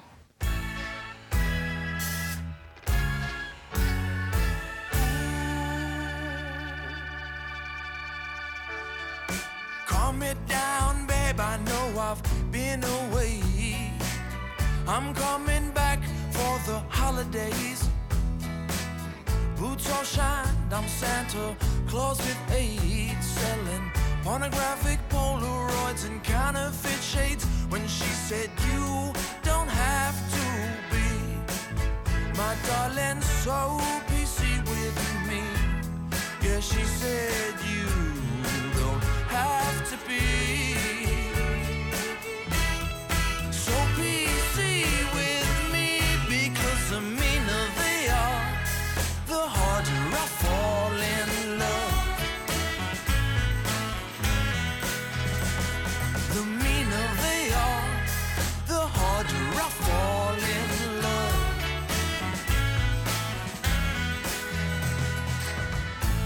belly treading water, Roy boys clinging on. Paddling drunk through airports on a raft of plastic bombs. Been on dating apps in Budapest, we got fires hawk in Prague.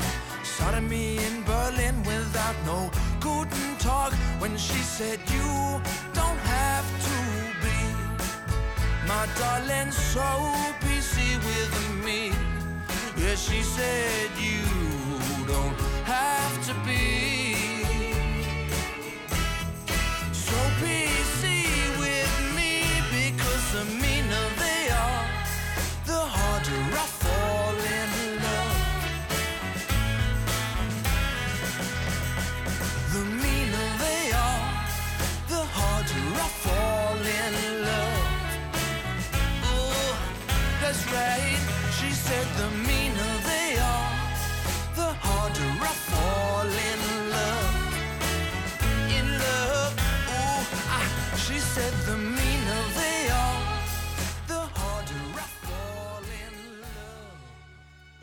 Þetta var lagið So Peasy With Me eftir Alex Cameron. Stefán langar að útskýra fyrir okkur eh, tengingu þessa lags við samgöngur. Já, það, það eru tvær. Uh, við fórum á lítinn túr í fyrra uh, með síningun okkar endurmentun og þá hlustuðu mjög mikið á plötuna Miami Memory þar sem að þetta lag kemur fyrir og lagið byrjar á upptalningu á stöðum sem hann hefur heimsótt. Ég skil. Er, eh, er pólitísk réttugsun eitthvað að þvælast fyrir ykkur í grínunu? Nú er þetta eh, lag Nei. um pólitísk réttugsun. Nei. Alls ekki. Ekki neitt. Þetta er svo fyndið, uh, svona fólk segir að, að það sé, þú veist, svo margt annað sem hægt er að grínast um þegar það tala um svona ræsiska brandara og svona, já, svo er náttúrulega bara hægt að grínast um svo margt annað.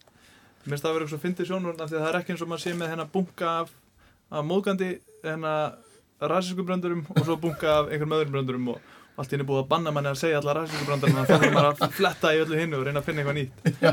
Uh, ég, þú veist, það hefur aldrei, aldrei verið mín upplifun og ég, þú veist, og við strákunir erum ekkert að skrifa einhverja, einhverja rassika brandara. Nei. Nei. Þetta er kannski samt alveg lýsing á einhverju mannesku sem er bara með öðruvísi hugsanagang sem Já. þarf þá bara að leggja hugsanaganginu sem þarf að reyna að búa til nýja Já. eða. Já, já. Og ég meina, svo manneski mætti þá skiptum starfsvettvangi smá. Á meðan Þú finnir nýja rödd. að meðan hún fyrir nýja rödd. Mm En já, svo erum við mitt bara eitthvað uh, af því að maður átt að er með að finna sér finna sér stað svona, eða þú veist, ekki erfitt með því, ég ætla ekki að segja að það sé erfitt en ma- maður svona velti fyrir sér hver mann staður er þegar maður er svona mikill í forréttindastöðu að taka pláss og einmitt hvað rétt maður hefur til þess Mhm. og svo erum við eitthvað uh, bara við erum bara ungir ungir í Reykjavík og, og svo eru við eldri grínistar sem eru kannski bara eitthvað svona nýjórni foreldrar og eru þá að gera grín af því og svo eru einhver grínistar sem eru bara ég veit ekki, voru farin að elli heimili eða eitthvað þannig að ég held að, og eru að gera grín af því skiljið Sem har ég að Guðmund sér bara góðar. Hann Já. besti grínsta landsinn, sko. já, hún er geggjuð Já, hún er frábær. En, en hvað, hvað, hvert er ykkar umfyllunar, svona aðal umfyllunar efni fyrir þá hlustendur sem bara hafa aldrei séð ykkur? Já, það er rosa dreift held ég sko, ég til dæmis í fyrsta var ég ofta að tala um svona uh, mentun mína í Portugal og svona hvernig var alast upp þar. Og núna reyni ég smá að fara í gegnum svona samfélagslega pælingar eða hvað mér finnst steikt við hversdagslegt líf og kannski líka bara svona í gegnum líka bara fara í gegnum svona ferðalög mín sem unglingur eða svona hvernig var að vera unglingur með fóreldra úr mismöndi löndum. Þannig að þetta er svona það er margt annað sem hættir að tala um sko, sem getur orðið tóltið skemmtilegt sko. Ég er með einn prumpubrandara. Ok, hvað er með hann? Mm, nei, fólk þarf að koma á sýninguna.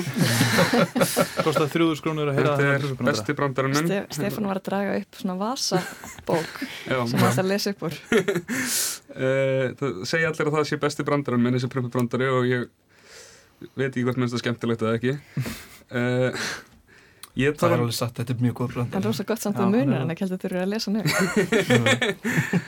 uh, ég tala mjög mikið um alkoholisma uh, og bara svona ég er sjálfur alkoholisti og verkur alkoholisti og svona reynslu mína uh, af því að vera ekki að vera, þú veist, að verða í að drú að vera í bata og vera ekki í bata eitthvað svona skrölda í gegnum lífið í þessu ástandi og einhver svona hugsanaskekkjur sem fylgja því.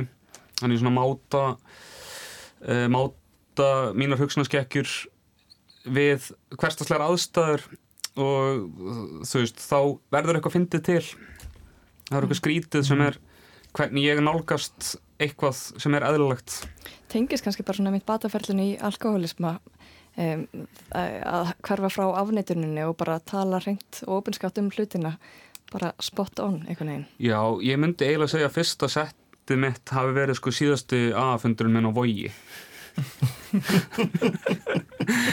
Ég var með tjáningu og eftir að sagði hann að félagi minn hann inni þetta var mistaraverk Já, þess að á, á vogi Á vogi, já. Já. Var það kveikjan að því að, að byrja að vera með uppstand? Uh, kannski. Já, Mhm. mögulega. Mögulega. Uh, ég er eitthvað svona, kem aðeins inn á einhvern svona andlega veikindi og erfileika og er eitthvað svona að gera grínað að því og bara eitthvað svona uh, mér finnst mjög gaman að- geta hleyið af því sem er erfitt, mér finnst það mikilvægt. Mhm. og svo, og svo líka bara svona að hafa almennt gaman af hlutunum og observational grín. Mér langar svo, af því að þú segir þetta svona observational grín, mér langar svo að spila fyrir ykkur brotur fyrir þættinum sem var eina fyrir fréttir um, Mhm. Er þið spenntir? Mhm. Já. Þetta er sem sagt Ármann Jakobsson í samtali við Eirik Guðmundsson um njálu Skarpinn líka svolítið skemmtilega dregin að því leiti að hann er hetja sem stendur í vígaferlum og er miðpunktur í deilunni en hann hefða sér alltaf eins og áhórandi og það er sérstaklega ábyrgandi fyrst í sögunni að hann stendur afsýðis og kemur með einhver svona aðtóðsemdur um það sem er að gerast Ein- eins og hann sé stikk frí og mér finnst það svolítið líkast Mr. Bennett í Róka og leipidómum en það er einmitt svolítið gott atriði róka og hleypidómum þar sem við, við höfum verið látið hann halda mjög lengi að mamman sé léleg og vond og pappin sé góður og skinsamur en aðalpersonan, Elisabeth, uppgötar að Mr. Bennett er raun og verið alveg jafn gagslus og mamman og alveg jafn vondur á sinn hátt af því að hann er kaltaðinn, hann er íronisti og í íroníunni felst það að vera stikkfrí halda fjarlægð setja sig upp sem dómara og áhorenda frekar en þáttakanda og um þetta skrifaði Kierkegaard reyndar mjög merkilega rítgjár á 19. öld þar sem hann þó tók afstöðinu með íronínu sem leið til að lifa af hérna erfiðu tilvist mannsins. Hákan, hvað hva fannst þér um þetta? Varst það að tengja við þetta? Ég er bara ennþá að pæla hvað hróki og hleypidómar eru Pride and Prejudice. Pride and Prejudice. Hann alltaf tók Pride and Prejudice og Kierkegaard bara í sögum með andraðan að maður var bara svona, ó, Já, já, já, já, ok. Svaka text og tengsl þarna. Já. En það var eitthvað, eitthvað í þessu sem að mér fannst svona tengjast ykkar, ykkar stöðu sem uh, uppistandarar. Mm. svona að standa utan við og, og horfa á og fylgjast með. Mhm. Gera aðtóðsendir Já, gera Já. aðtöðsendur, þóttu séu í rauninni þáttakendur sjálfur Já, oft er grín bara að láta fólk hugsa eitthvað aðeins öðruvísi um einhvern hlut sem allir þekkja. Uh, Líka Já. benda á, benda á hann einmitt fáranleikan hversdagsins einhvern veginn sem er bara kemur oft aldrei upp, maður fer bara eitthvað svona maður horfir á eitthvað svo hugsa maður bara, af hverju er þetta svona, Já, eitthvað það svona, þetta er- er mjög skrítið að við sem búin að samþykja að þetta sé eitthvað svona, Það er rosa margt eitthvað heimst. Fleig, fleig setning Nei, þú veist, brandar sem ég var með brandar sem ég kötta út sko, því ég skil ekki að hverju þú veist frækt fólk vil eiga eigu að það er ekki neitt að gerast í eiginu þinni þú ert bara með eitt hús. Það er ekki sjoppa eða bar eða eitthvað svona, þetta er bara svona Já, velta fyrir sér, bara svona alls konar þannig hluti. Skilur þú veist, eina ástæð til þess að eiga í því var, eða veist, eiga í því væri bara til þess að hanga hana Þannig ef ég Mhm. tengi þetta við samgöngur sem er þemað okkar þá er það eiginlega svona svolítið endastöð. Mm. þú kemst ekkert lengra í þú veist, heldur en að einangra þig á eyði eigu geðveik tenging. Þetta var rosalegt En þú, myndir þá, þú myndir þá ekki hérna vilja bara sko kaupa eyði eigu og, og reyna bara að búa til samfélag? Búa til samfélag? Já, búa til þessa það var bari svo mikið og... kvöld fílingu í var ógeðslega ríkur gauður og væri búin að búa samfélag á minni eyði ég myndi líða eins og ég væri bara með fullt af einhver svona Býtu, hvaða Ford gerði það aftur? Það var hérna Það var einhver, einhver af þessum Fordum hvort það hafa bara verið þarna Henry sem fór í Amazon sko hann ætlaði að búa til sitt eigið, sín eigin þjóðar. Já það því hann vildi gera hérna hvað var það fyrir dekk? Já, hann var að, já, sækja gummi fyrir dekk. Já. Aftur komin að samgöngum. já nákvæmlega. Það tengist allt. Það var eitthvað hella á dæmi sko. Já en ég myndi ekki vilja hafa eitthvað svona fólk að búa minni þá er ég bara í raun að búa til bara lélir útgáfa af borginni sem ég bjóði í fyrsta lagi. Reyna að fá vini mín til að búa með mér á eyði þegar þú fluttir út úr Reykjavík. Eitthvað, já en það er skemmtilega í, Af- af nýja hverju- Reykjavík. En af hverju heldur það að vera lélegri útgáfa af borginni? ég veit ekki, ef ég væri ef, ef, ef, ef ég væri bara svona trilljarðamenningur þá ætla ég bara byggja mjög næslega kerfi og eitthvað sem þannig dæmi með að við hvað ég elska mikið samgöngur.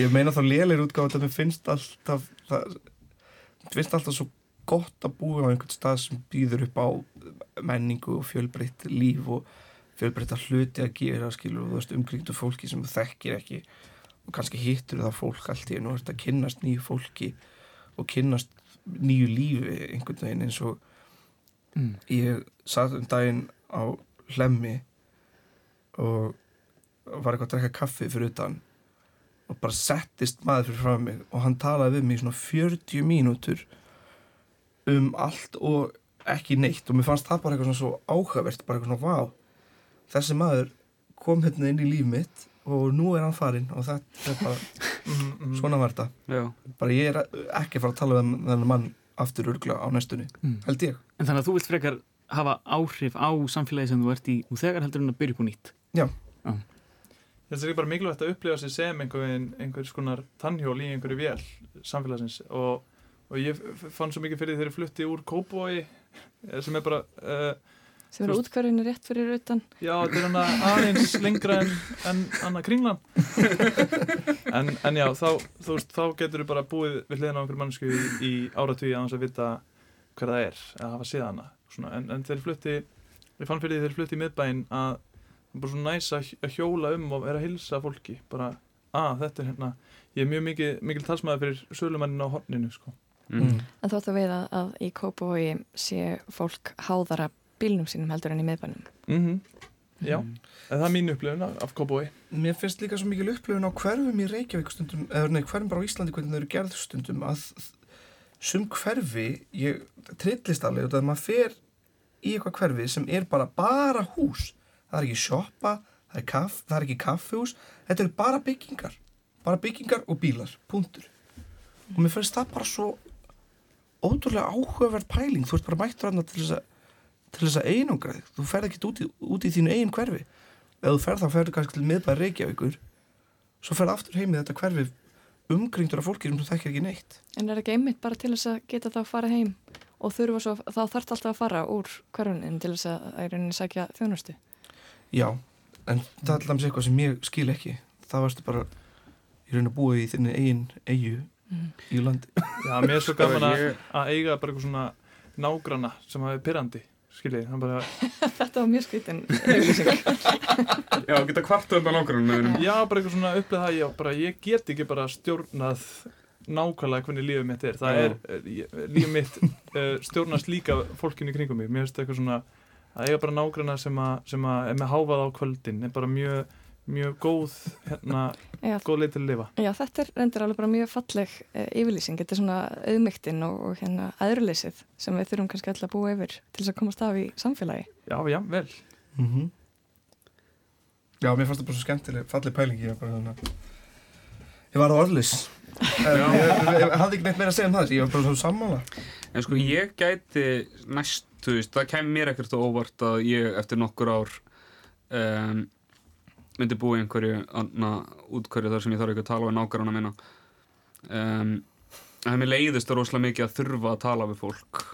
Og margir vinir mínir uh, hafa uh, svona lagt til þér eitthvað svona akkurju það væri svo geðið að við myndum öll bara að kaupa okkur eitthvað svona stórt hús og búa þar í einhverju kommunu og það er martröðin mín að búa með fullt af vinum mínum og hitta þau allan daginn, alla daga -hmm. þannig ég skilða það að vissu leita vilja einangra sig og fara bara frá öllum og geta séðan bara farið einhvert Mm. hitt fólk á mínum forsendum En hvernig lítur Ná, þá ég á er ekki bata núna, ég heyri það alveg mjög vel En hvernig lítur þá á uppistanda? Því það er náttúrulega, það er smá einangrun frá fólki, þú ert að meira að flytja erindi Já. en það er samt ákveðið samtal líka hvernig, hvernig lítur á það í, í tengslu uppistand?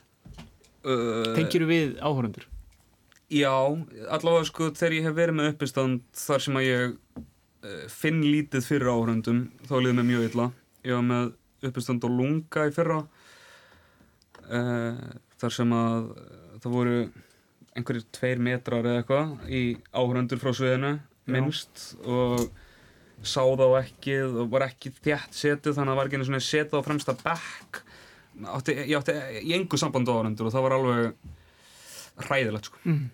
Þið hafið talað eitthvað um það að hvernig uppistand virki engavinn í gegnum til dæmis fjarskiptabúnað. Mm. það sé ekki hægt að vera með grín á þess að fá einhvers konar þetta sé einhvers konar dýnamist samtal. Það er svo ótrúlegt að fá feedback sko, eða sérstaklega í uppistandi og þetta er bara samtal við áhörvendur út af því að fólk yfirleitt ef það hlær þá er það yfirleitt út af það er sammúla manni í áliti sem maður hefur að gefa í, þú veist í þessum fáruleika sem maður hefur einhvern veginn uppgötvað. Og ef maður er í eitthvað svona zoom uppistand þá er maður bara að flytja einhvern mónulóg fyrir skjá og maður veit eiginlega ekki hvernig er verið að taka í það.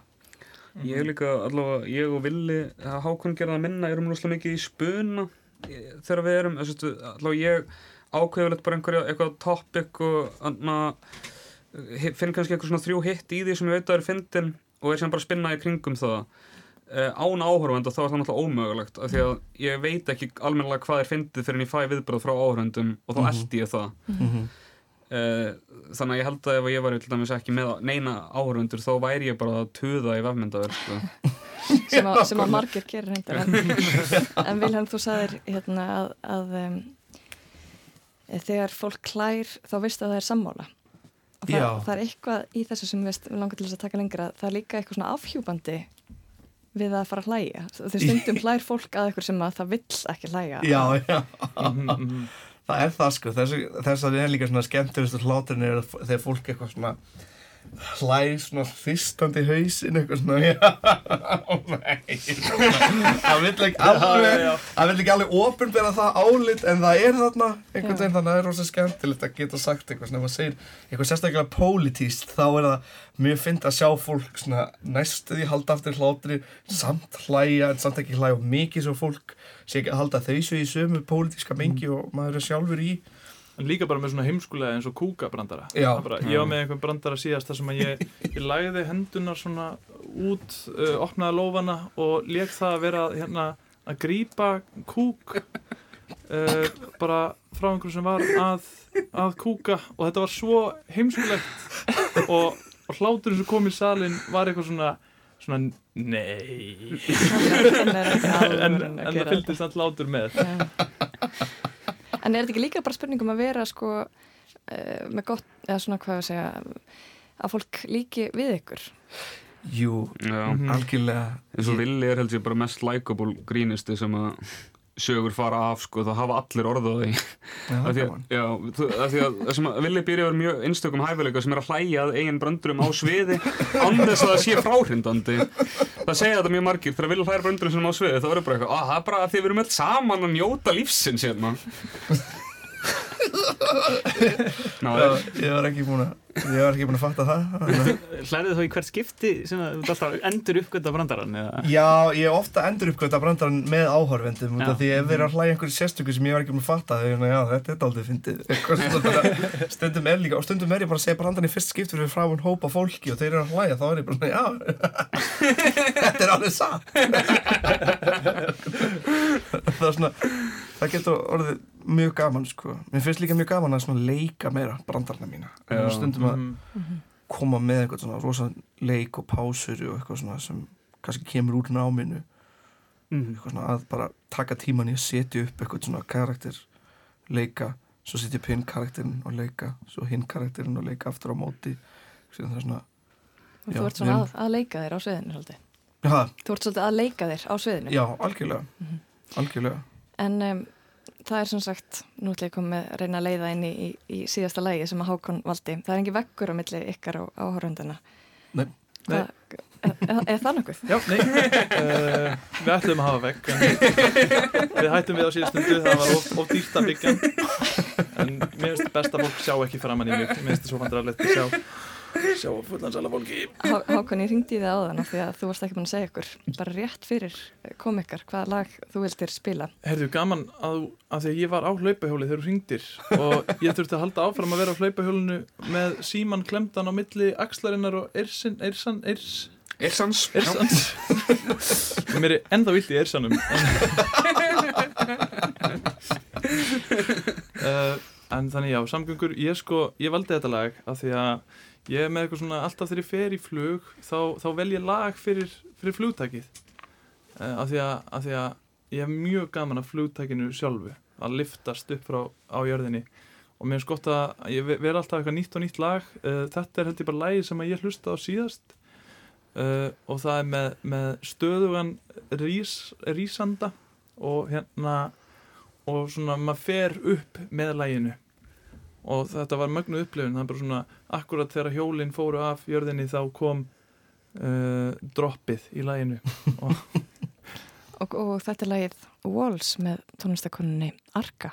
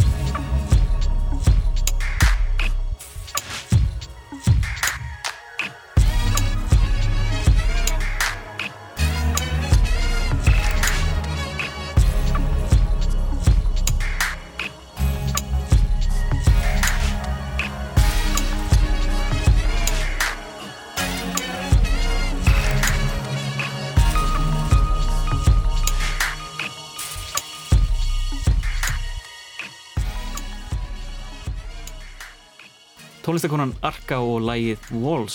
Hákon, þú valdir þetta lag. Já, ég valdi þetta lag. Uh, og þú talaður um að þetta væri uh, þegar þú tekur á loft í flugvilum Já, fyrir flugtak. Uh, og ég mæli með að allir prófi þetta að velja sér lag fyrir flugtak mm. og, og upplifa það að fara á loft með laginu. Já, mm. ég tengi við þetta, ég er alltaf bara með sama lagið samt.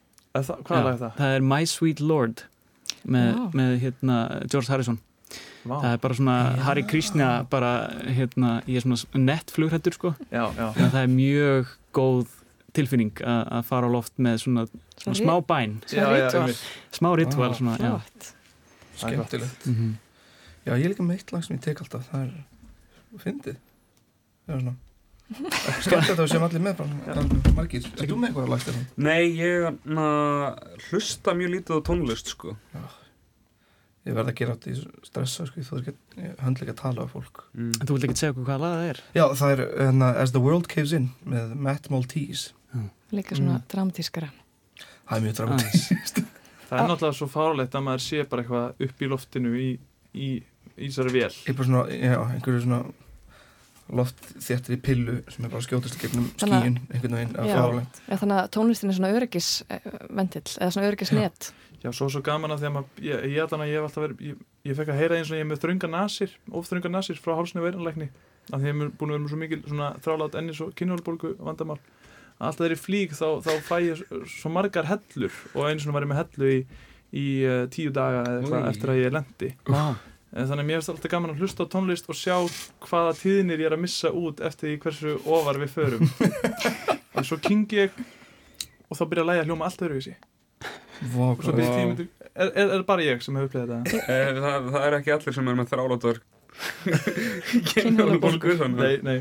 Nei, þetta er, þetta er persónlega upplifun það er auðvitað kannski alveg að setja sig í, í þessi spór svona, hvað gerist inn í, inn í hausnum á þér í flugtak, en, en þið voru aðeins að Mhm. tala um þetta lag eh, meðan við hlustuðum, þetta Mhm. væri eh, tilherðið einhverju stefnum sem kallast PC tónlistar menn, eða hvað? Já, PC er bara tónlistastefnan í rauninni þetta er svona byggt á bæði PC tónlist sem er bara PC eins og personal computer bara gert í þinni tölvu og líka PC labelið sem er svona label með fullt af artistum með svona mjög experimental rafræna tónlist og það er bara fullt og svo er náttúrulega líka stundu kalla PC tónlist út að þetta er svo það er svo mikið af þú veist genderbending og LGBTQ plus artistar sem eru þar og Hins einn, hins einn listamenn. og hins einn listamenn já sem er vel tekið í og, og, og það eru ógeðslega mikið af bara geggiðum artistum sko, Arka einmitt þess að við vorum að hlusta á núna Rina Sawayama Sophie. Sophie uh, Dorian Electron. Dorian Electra já, Mhm. nákvæmlega. Það er, það er svona ógeðslega mikið af skemmtilegri nýri tónlist í þeirri stefnu Mhm. sem er mjög spennandi tónlist. Já, hljóma þannig, ég kannast ekkert við þetta en ég ætla að kynna mér þetta betur Mhm. en það fer að sig á setni hlutan hjá okkur Við þurfum eiginlega að fara að lenda þessari flugvél sem fór á loft hérna, með hákunni en, en þið er að fara á stað um, á ykkar samgöngu túr mm Mhm. Já. Mhm. núna 4. júli 4. júli á lögadaginn þá fyrir sínum við nýja síningu neyri Tjarnabíó sem heitir Vaffas Best Forláts Já, við erum með þrjár uh, planaða síningar 25. júli líka og 15. ágúst og það eru meðar á Tix og við erum ógæsta spendir Mhm. Já, við ætluðum sko við erum búin að vera að vinna í þessari síningu síðan í janúar fórum við að stað með tilrauna, tilrauna síningar ætluðum að frumsýna í na, í mæ þannig að við erum alveg búin að vera bara já, Mhm. bara getum ekki beðið eftir að fá loksins að, að fara á stað með þetta efni sko. Þurftum einmitt að aflýsa einni síningu hvað, 13. 14. uh, mars Mhm. Já, Það, þá var samkominbanni bara aðskell á mm. Já.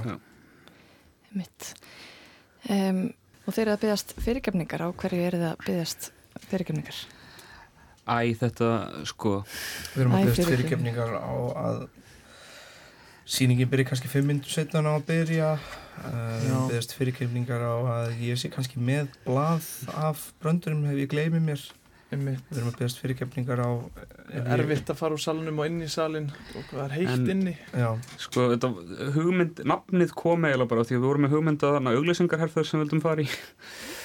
Síðan skaut auglýsingarstofuna niður og síðan na, tveim dögum áður en við byrjaðum að auglýsa sýninguna og gerðum event þá na, þurftu kynbræður okkar í sömu starfstétt aftur að fara að byggast forláts. Þannig að það var svona óheppilegt þannig að óheppilur tími til þess að búa til okkar Þetta kallast svolítið á við svona kven, kvenlega hefð, eh, svona hinn eldri kona sem að byggst alltaf afsökunar á, á matnum sem hann er að færa fram. mm Já, Afsakið þetta. Já, já. Þetta er lítiræði. já En um, ég vona að, að þetta verði ekkert til þess að byggast afsökunar á. Við förum að segja þetta gott hérna í, í tengjavagninum og verðum hér aftur á morgun og Í segni þetta morgundagsins verður Bergþóra Snæbjörnsdóttir með okkur sem gestur þátturins. Við þakkum uppistandshóknum Vafás kærlega fyrir komuna. Þetta var stórskendlegt spjall. Takk kærlega fyrir okkur. Já, takk fyrir okkur. En tengjavagnin verður þá ekki lengri í dag við þakkum kjallega fyrir áheyrnuna, verið sæl.